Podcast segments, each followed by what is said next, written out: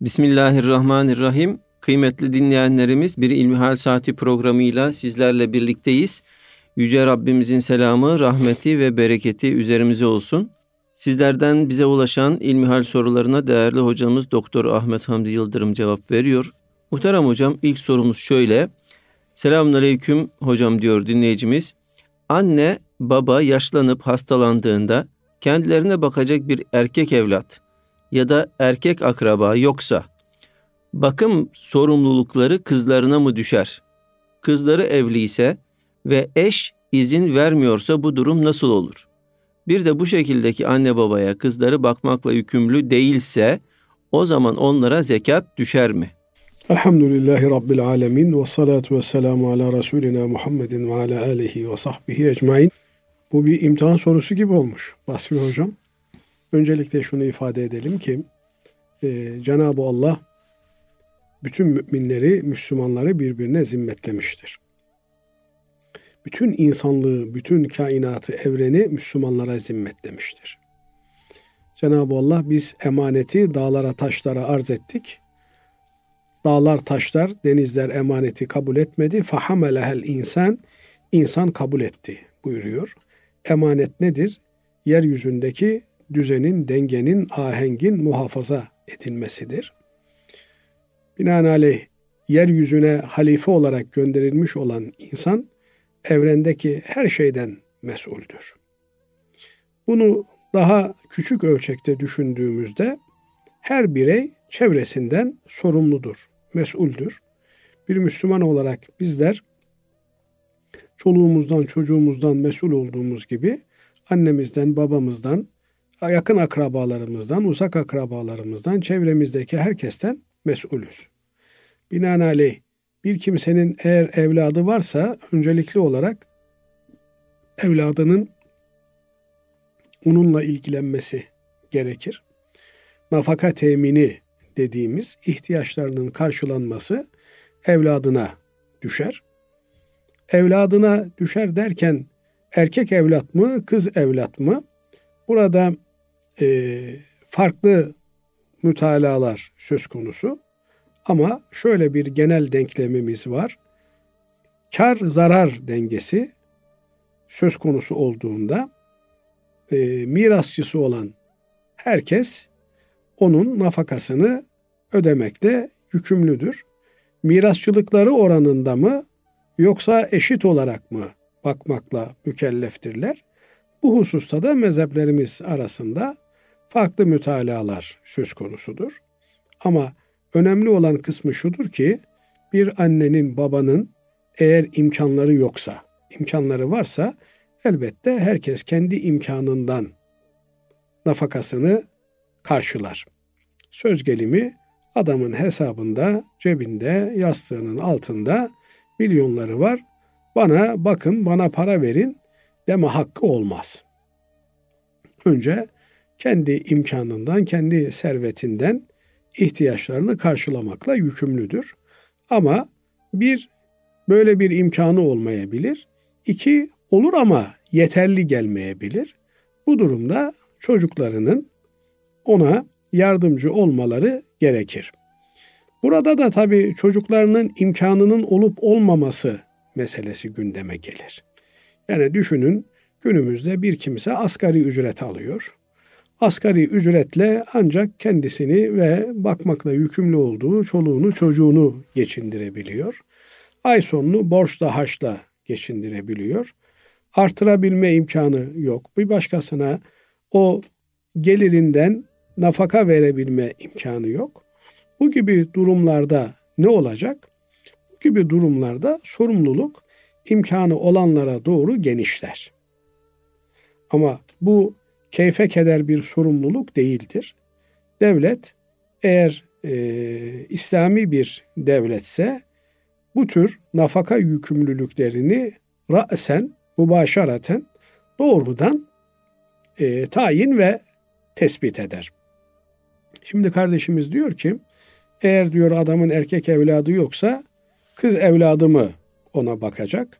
Eğer kız evladının kocası müsaade etmiyorsa bunu burada zaman zaman dile getirdik. Evet. Herkesin kendine ait bir mülkiyeti vardır. Kadın evlenmekle mülkiyetini kocasına devretmiş olmaz. Kadının kendi mal varlığı ayrıdır, kocanın kendi mal varlığı ayrıdır. Binaenaleyh eğer kadının kendi mal varlığı varsa, çalışıyorsa, çalışıp kazanıyorsa bu durumda kendi mal varlığından anasına, babasına, yakın akrabasına infakta bulunabilir. Ama öyle bir durum söz konusu değil.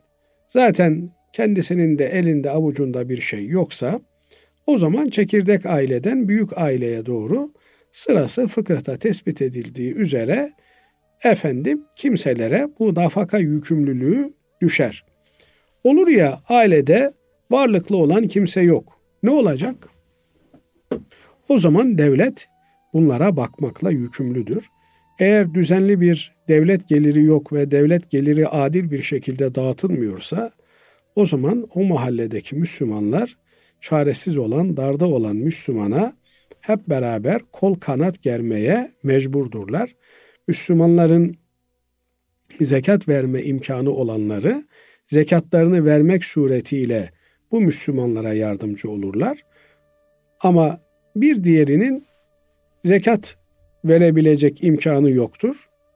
Onun da zekat istemek suretiyle mahallemizde bir kimse var, bakacak kimsesi yok, ihtiyacı var.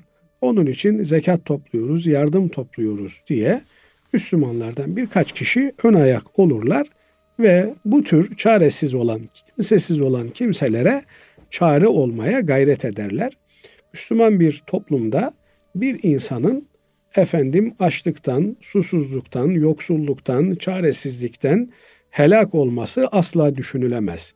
Eğer böyle bir şey söz konusu olursa o bölgedeki bütün Müslümanlar bundan sorumlu olurlar. Ama öncelikli olarak sorumlu olanlar olaydan haberdar olanlardır. Haberdar olanların içerisinde efendim ne yapayım benim imkanım yok diyerek birilerinin kurtulma şansı da olmaz.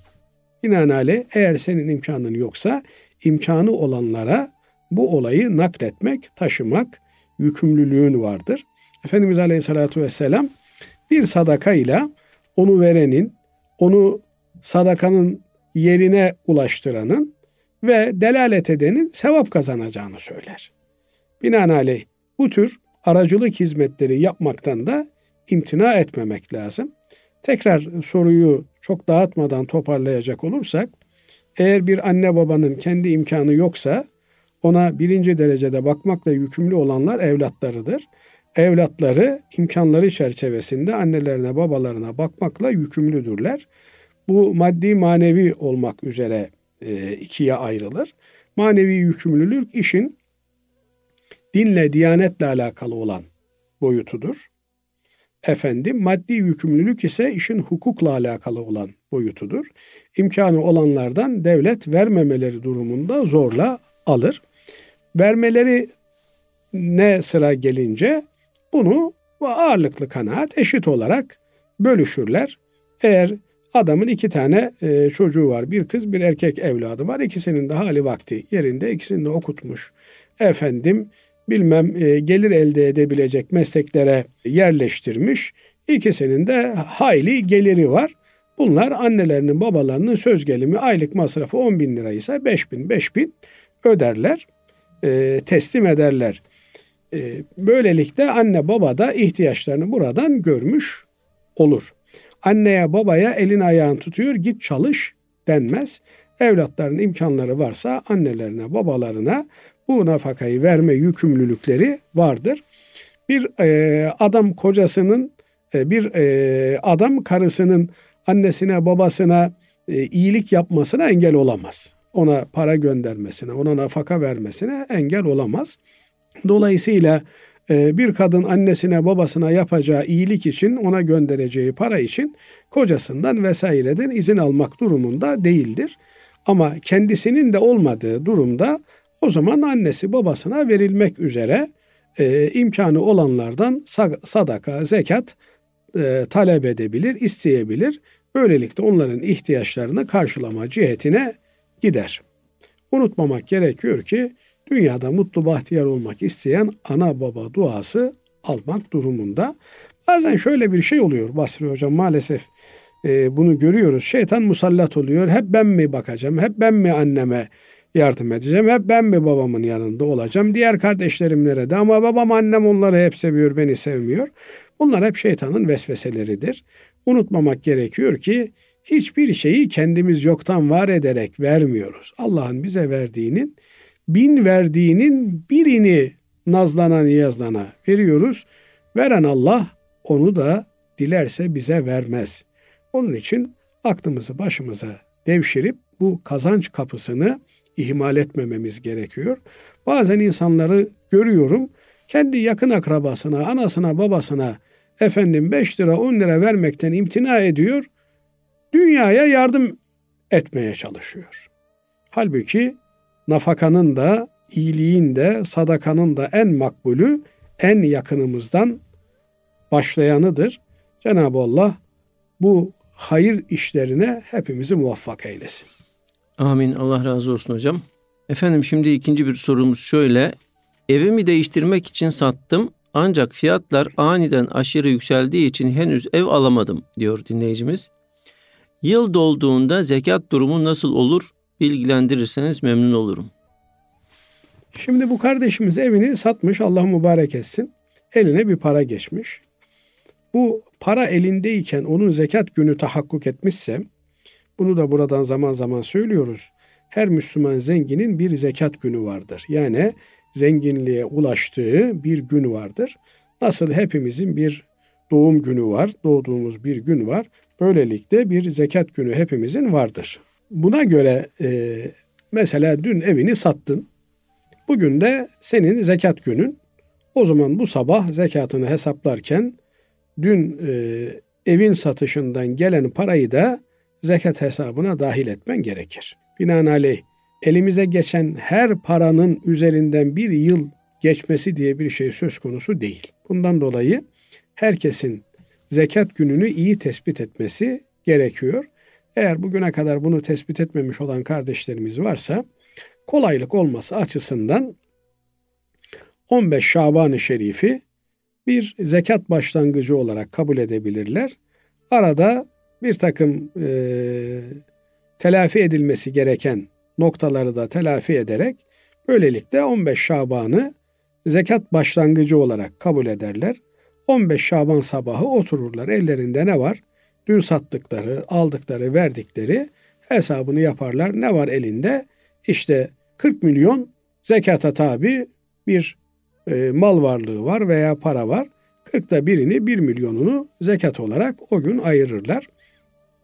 Böylelikle zekatı tas tamam olarak hesaplamış olurlar. Bu kardeşimiz evini satmış. Niye satmış? Kendi biliyor. Belki muhitini beğenmedi, belki ev dardı, belki küçüktü, belki şuydu, belki buydu. Tekrar satın almak üzere sattığı anlaşılıyor bu sualinde. Eğer bu tekrar satın almak üzere elinde para bulunurken zekat gününe denk gelirse zekatını vermesi gerekir. Bu çok önemli bir noktadır. Ya ben bunu zaten ev alacağım. Onun için ayırdım. Tabii yani zengin ise yani önceden bir nisap miktarı mala ulaştıysa ama fakirdi e, nisap miktarı e, mala Basın malik hocam, değildi. Fakir adam nasıl ev alacak? Hayır yani bir evi vardı. He. Efendim ama nisap miktarı malı yoktu. Evet. Evini sattı, nisap miktarına ulaştı. Evet. Diyorsun ki Şimdi üzerinden bir sene geçmeden evet. e, bunun ilk sene zekat muafiyeti var. Evet ikinci seneye kalırsa o zaman önce zekatını verecek. E, binaenaleyh yeni bir ev bulmadan kimse evini satmasın. Borçlansın ondan sonra evini satsın. Böylelikle bu tür mahzurlardan kaçınmış e, olsun. Ama eğer yastık altına para girerse o paranın zekatını ödemek gerekir. Ee, bunun çeşitli izahları, yorumları var. Bazıları diyorlar ki işte adam 50 milyarlık evde oturuyor, ondan zekat alınmıyor. Ben işte 500 bin liraya bir ev almak için para biriktirdim. Benim paramın zekatının ödenmesi gerekir deniyor. Evet. Niye? Çünkü piyasada dolaşan para para olarak vazifesini icra ediyordur. Ama yastık altına aldığımız, sakladığımız paranın bir maliyeti var. Fakir fukaraya onun hakkının ödenmesi gerekiyor. Cenab-ı Allah hepimize yardım etsin. Allah razı olsun. Efendim selamünaleyküm hocam diyor dinleyicimiz. Ben sabah namazımda abdestimi alıyorum, meslerimi giyiyorum. Yatsı namazından sonra çıkarıyorum. Doğru mudur? Mest ile uyuyamıyorum. Cevaplarsanız sevinirim. Şimdiden Allah razı olsun diyor. Şimdi eğer adam mukimse yani sefer halinde değilse, yolculuk durumu söz konusu değilse veya bir yere yolcu olarak gitmiş değilse bu kimsenin 24 saat ayağında meslerle olması ve meslerinin üzerine ayağını yıkamayıp mesih vermesi caizdir. Burada önemli olan nokta şu. Sabah namazını kılmak için abdest aldım, ayaklarımı yıkadım. Sonra meslerimi giydim. 24 saat ne zaman başlar? Meslerimi giydiğim saatten başlamaz. Ayağımda mesler var iken ne zaman abdestim bozulmuşsa o zaman başlar. Söz gelimi bugün saat 7'de sabah namazını kıldım. Saat 10'da da abdest ihtiyacı hasıl oldu. Abdestim bozuldu. Saat 10'dan itibaren başlar. Binaenaleyh bu kardeşimiz zaten normal 24 saatlik süreyi doldurmadan akşamdan yatsıya ayağından mesleri çıkartıyor. Bu durumda abdesti açısından problemli bir durum var mı? Yok. Akşam ayağından mesleri çıkartınca ayaklarının abdesti bitmiş olur. Eğer bu kardeşimiz ben abdestli olarak uyuyayım diye düşünür ise ki böyle düşünmek lazımdır. Çünkü eğer insan abdestli olarak uyursa uykuda olduğu sürece de ibadettedir. Melekler ona istiğfar ederler. Bunu da ihmal etmemek lazım gelir. Bedava kazanç. Üstelik insan abdest aldığında daha dinç, daha zinde olmuş olur. Eğer imkanı varsa sıfırdan bir abdest almış olur. Ama olur ya yorgunluk var, ihtiyarlık var, hastalık var. O zaman sadece ayaklarını yıkamak suretiyle abdestini tamamlamış olur. Zaten eli yüzü başı yıkanmış, mesedilmişti. Ayaklarında mest olduğu için ayaklarının abdesti bozulmuştu.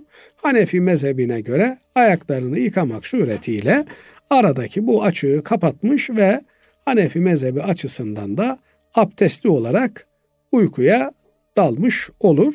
Uyanana kadar abdestlidir. Uyanınca abdesti bozulur. Böylelikle abdestli olarak geçirdiğimiz süre bizim lehimize olan bir süre olacağından dolayı böyle yapması uygun olur. Evet Allah razı olsun. Kıymetli dinleyenlerimiz şimdi kısa bir araya gidiyoruz. Aradan sonra inşallah kaldığımız yerden devam edeceğiz. Kıymetli dinleyenlerimiz İlmihal Saati pro- programımıza kaldığımız yerden devam ediyoruz. Muhterem hocam dinleyicimiz şöyle bize bir soru göndermiş. Mehir olarak umre veya hac istenmesi, teklif edilmesi uygun mudur? Evet, mehir e, kadının evlenirken kocadan talep edebileceği bir haktır. Bunu talep etse de etmese de otomatik olarak e, devreye dinimiz alır. Binaenaleyh evlilikte kadına ödenen bedele biz mehir diyoruz. Hanefi mezhebinde bu bedelin e, mal olması gerekir. Ümre ve hac bir seyahat olduğu için, dini bir ibadet olduğu için bunların aslında böyle vaz edilmesi, konulması doğru değildir. Fakat ümre ve hac mesarifi olarak kaydedilebilir. Burada da tabi malumunuz olduğu üzere hac ve ümre standart ibadetler, seyahatler değildir. Kimi bin liraya ümreye gitmekte, kimi yüz bin liraya ümreye gitmektedir. Kimi bin dolara hacca gitmekte, kimi on bin dolara hacca gitmektedir. Burada da kavgaya, gürültüye mahal bırakmayacak şekilde yarın öbür gün işte ben e, haç demiştim, ümre demiştim. Birinci sınıf haç ve ümreyi kastetmiştim. Efendim sorumlu olan, yükümlü olan tarafta, damat da biz işte normal standart bir hac ve ümre kastetmişizdir diye ihtilaf halinde, çekişme halinde, niza halinde bir, bir anlaşmazlık söz konusu olabilir. Bundan dolayı bunun net bir şekilde ifade edilmesi doğru olandır. Binaenaleyh bunun yerine hac ve ümre e, masarifine mahsup edilmek üzere e, şu kadar bedel denilmesi doğru olandır. Biliyorsunuz e, özellikle de Hanefi mezhebi açısından mehrin asgarisinin bir sınırı vardır. Yani 10 dirhemden aşağı olmaz. Efendimiz Aleyhisselatü Vesselam döneminde de 10 dirhem takriben iki koyun ediyordu. Bu geleneklere, göreneklere göre, bölgelere göre değişebilecek bir hadisedir. Bu dirhem e, grama mı eşit hocam? Dirhem evet aynı zamanda da bugün gramla ifade edilen bir e, ölçü birimi takriben 3 grama bir dirhem denk gelir. Ama bu tabi satın alma gücü paranın her dönemde değişir. Binaenaleyh e, o dönemde böyle bir e, kaynaklarda bilgi var. E, bunun anlamı işte bugün iki koyundan aşağı olmayacak anlamına gelmiyor. Ama e, bir kıymeti haybiyesi olan bir miktar olması gerekiyor. Bunun üstünün bir limiti de yok. Yani asgarisine şundan aşağı olmaz diye bir limit getirilmiş ise de üst sınırı söz konusu değil. Hatta malumunuz işte bir defa Hazreti Ömer Efendimiz halife iken hutbeye çıkar ve e, mehrin bir üst limitinin olması gerektiğini, azami sınır getirmek istediğini söyler. Kadınların safından bir yaşlı e, hanım kalkar der ki ey müminlerin emiri, ey Ömer Allah bunun üst sınırını koymamış. Sen halife olarak nasıl bir sınırlandırma yapma yetkisi kendinde görüyorsun malinde bir cümle söyler. Hazreti Ömer Efendimiz de kadıncağızın bu ikazını yerinde bulunur ve şöyle tarihe geçecek bir cümle söyler. Yani bir idarecinin, bir yöneticinin sıradan bir insanın kendisini düzeltmesiyle ilgili Ömer yanlış yaptı, yaşlı kadın onu düzeltti anlamına veya doğru söyledi anlamına tarihi bir cümle kullanır. Binaenaleyh bir kadın bunu zaman zaman söylüyoruz. Kocasından sadece ve sadece mehir adı altında bir talepte bulunabilir. Bu 10 lira da olabilir, 10 milyar lira da olabilir, daha üstü de olabilir. Binaenaleyh bunun dışında, mehrin dışında efendim sen ben evlendikten sonra şu kadar servet edindin, bu servetinin yarısı benimdir, araba edindin, arabanın yarısı benimdir vesaire adamın gelirine göz dikemez. Adam da kadının hiçbir şeyine göz dikemez. Yani biz evlendikten sonra sen işte şunu aldın, bunu aldın vesaire filan öyleleri de var biliyorsunuz Basri Hocam. Yani biz hep, hep tabii e, kadınların nafaka aldığını biliyoruz ama zaman zaman erkeklerden de nafaka alanlar çıkıyor. Bu hele hiç dinle, diyanetle bağdaşacak bir şey değil. Binaenaleyh herkes hakkına, hukukuna razı olmalı. Hakkı neyse orada e, fe, e, fütursuzca e, hakkını sonuna kadar talep etmeli ama hakkı olmayan bir şeye de elini uzatması doğru değil. Bundan dolayı e, ben buradan e, evlenecek olan kızlarımıza mehri yüksek tutmalarını tavsiye ederim.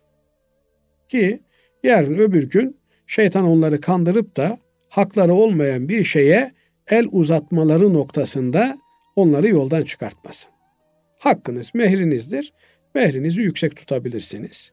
Efendim haç ve ümre kaç lira yapıyor? 10 bin dolar mı yapıyor? İlave 10 bin dolar daha haç ve ümre diye koyabilirsiniz.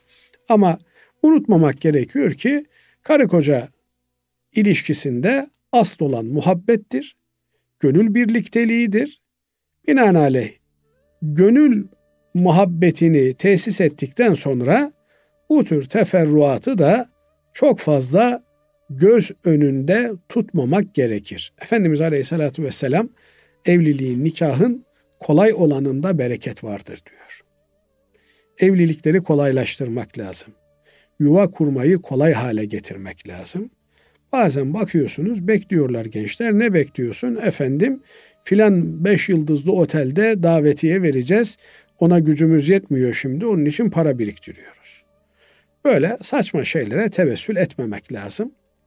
Allah için birbirine eş olacak, birbirine hayatı yüklenebilecek kimseyi bulduklarında üçüne beşine bakmadan aile yuvası kurmaya gayret etmeliler. Allah niyeti hayır olanı yarı yolda koymamıştır. Binaenaleyh hac ve ümre yerine hac ve ümre masarifi efendim normal seviyede, standart seviyede Diyanet'in hac ve ümre organizasyonu diye belirtmek suretiyle böyle bir talepte bulunabilir. Evet. Şimdiki sorumuz son dönemde e, özellikle konuşulan kiralarla ilgili hocam, e, emlakçılarla ilgili. Emlakçıların aldığı komisyon caiz midir? Hem sahip hem kiracıdan almaları doğru mudur diye soruyor.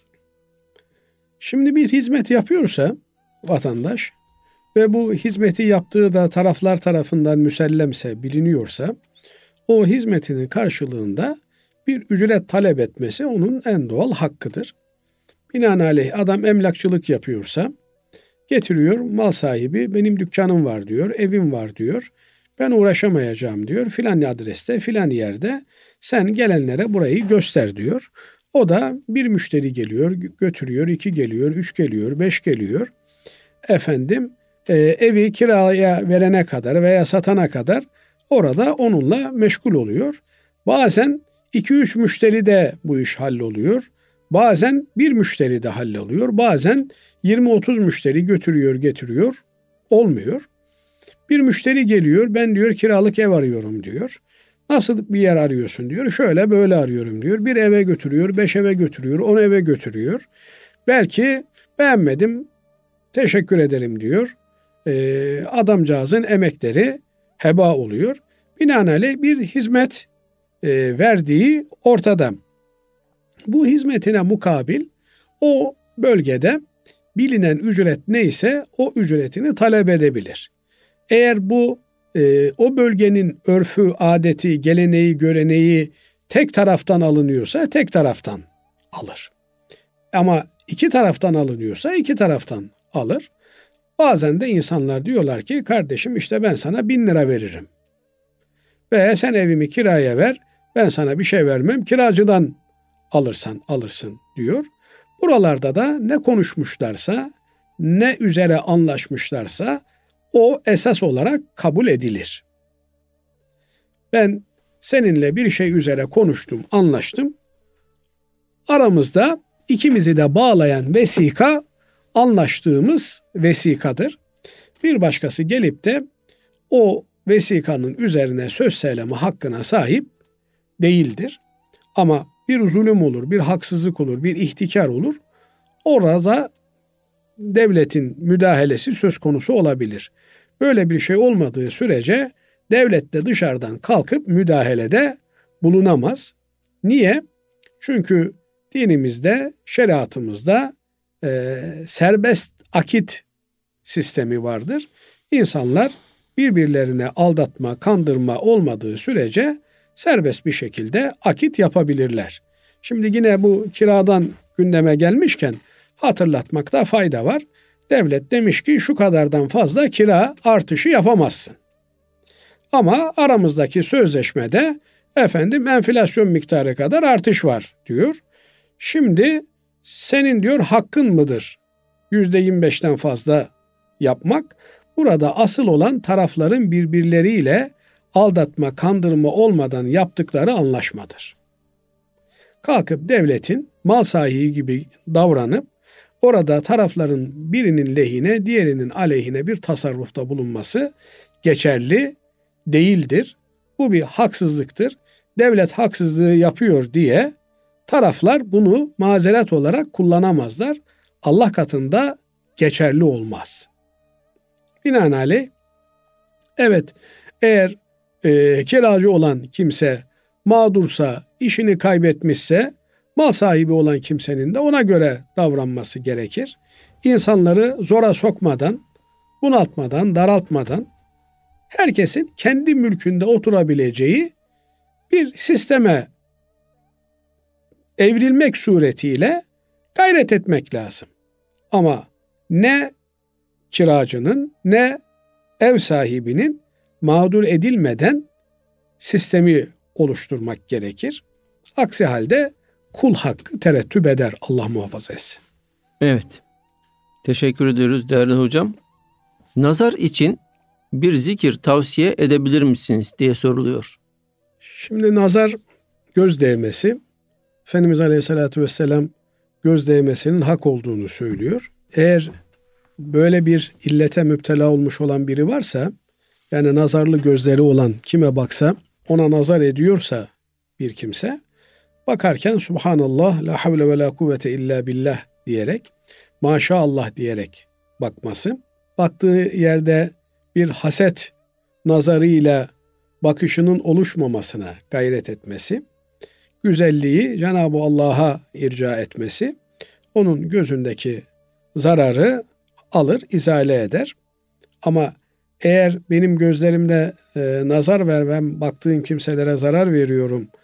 Dolayısıyla beğendiğim kimseler benden zarar görüyorlar diye değil de bir başkasının kendisine nazar etmesinden çekiniyorsa bir kimse o zaman Felak ve Nas surelerini bol bol okuması, ayetel kürsüyü okuması, Estaizu billah ve in yekâdüllezîne keferû le yüzdikuneke bi absârihim lemma semi'u zikra ve yekulûne innehu le mecnun ve ma huve illa zikrun lil âlemin ayeti kerimesini okumak suretiyle nazara karşı kendisini korumaya alması gerekiyor.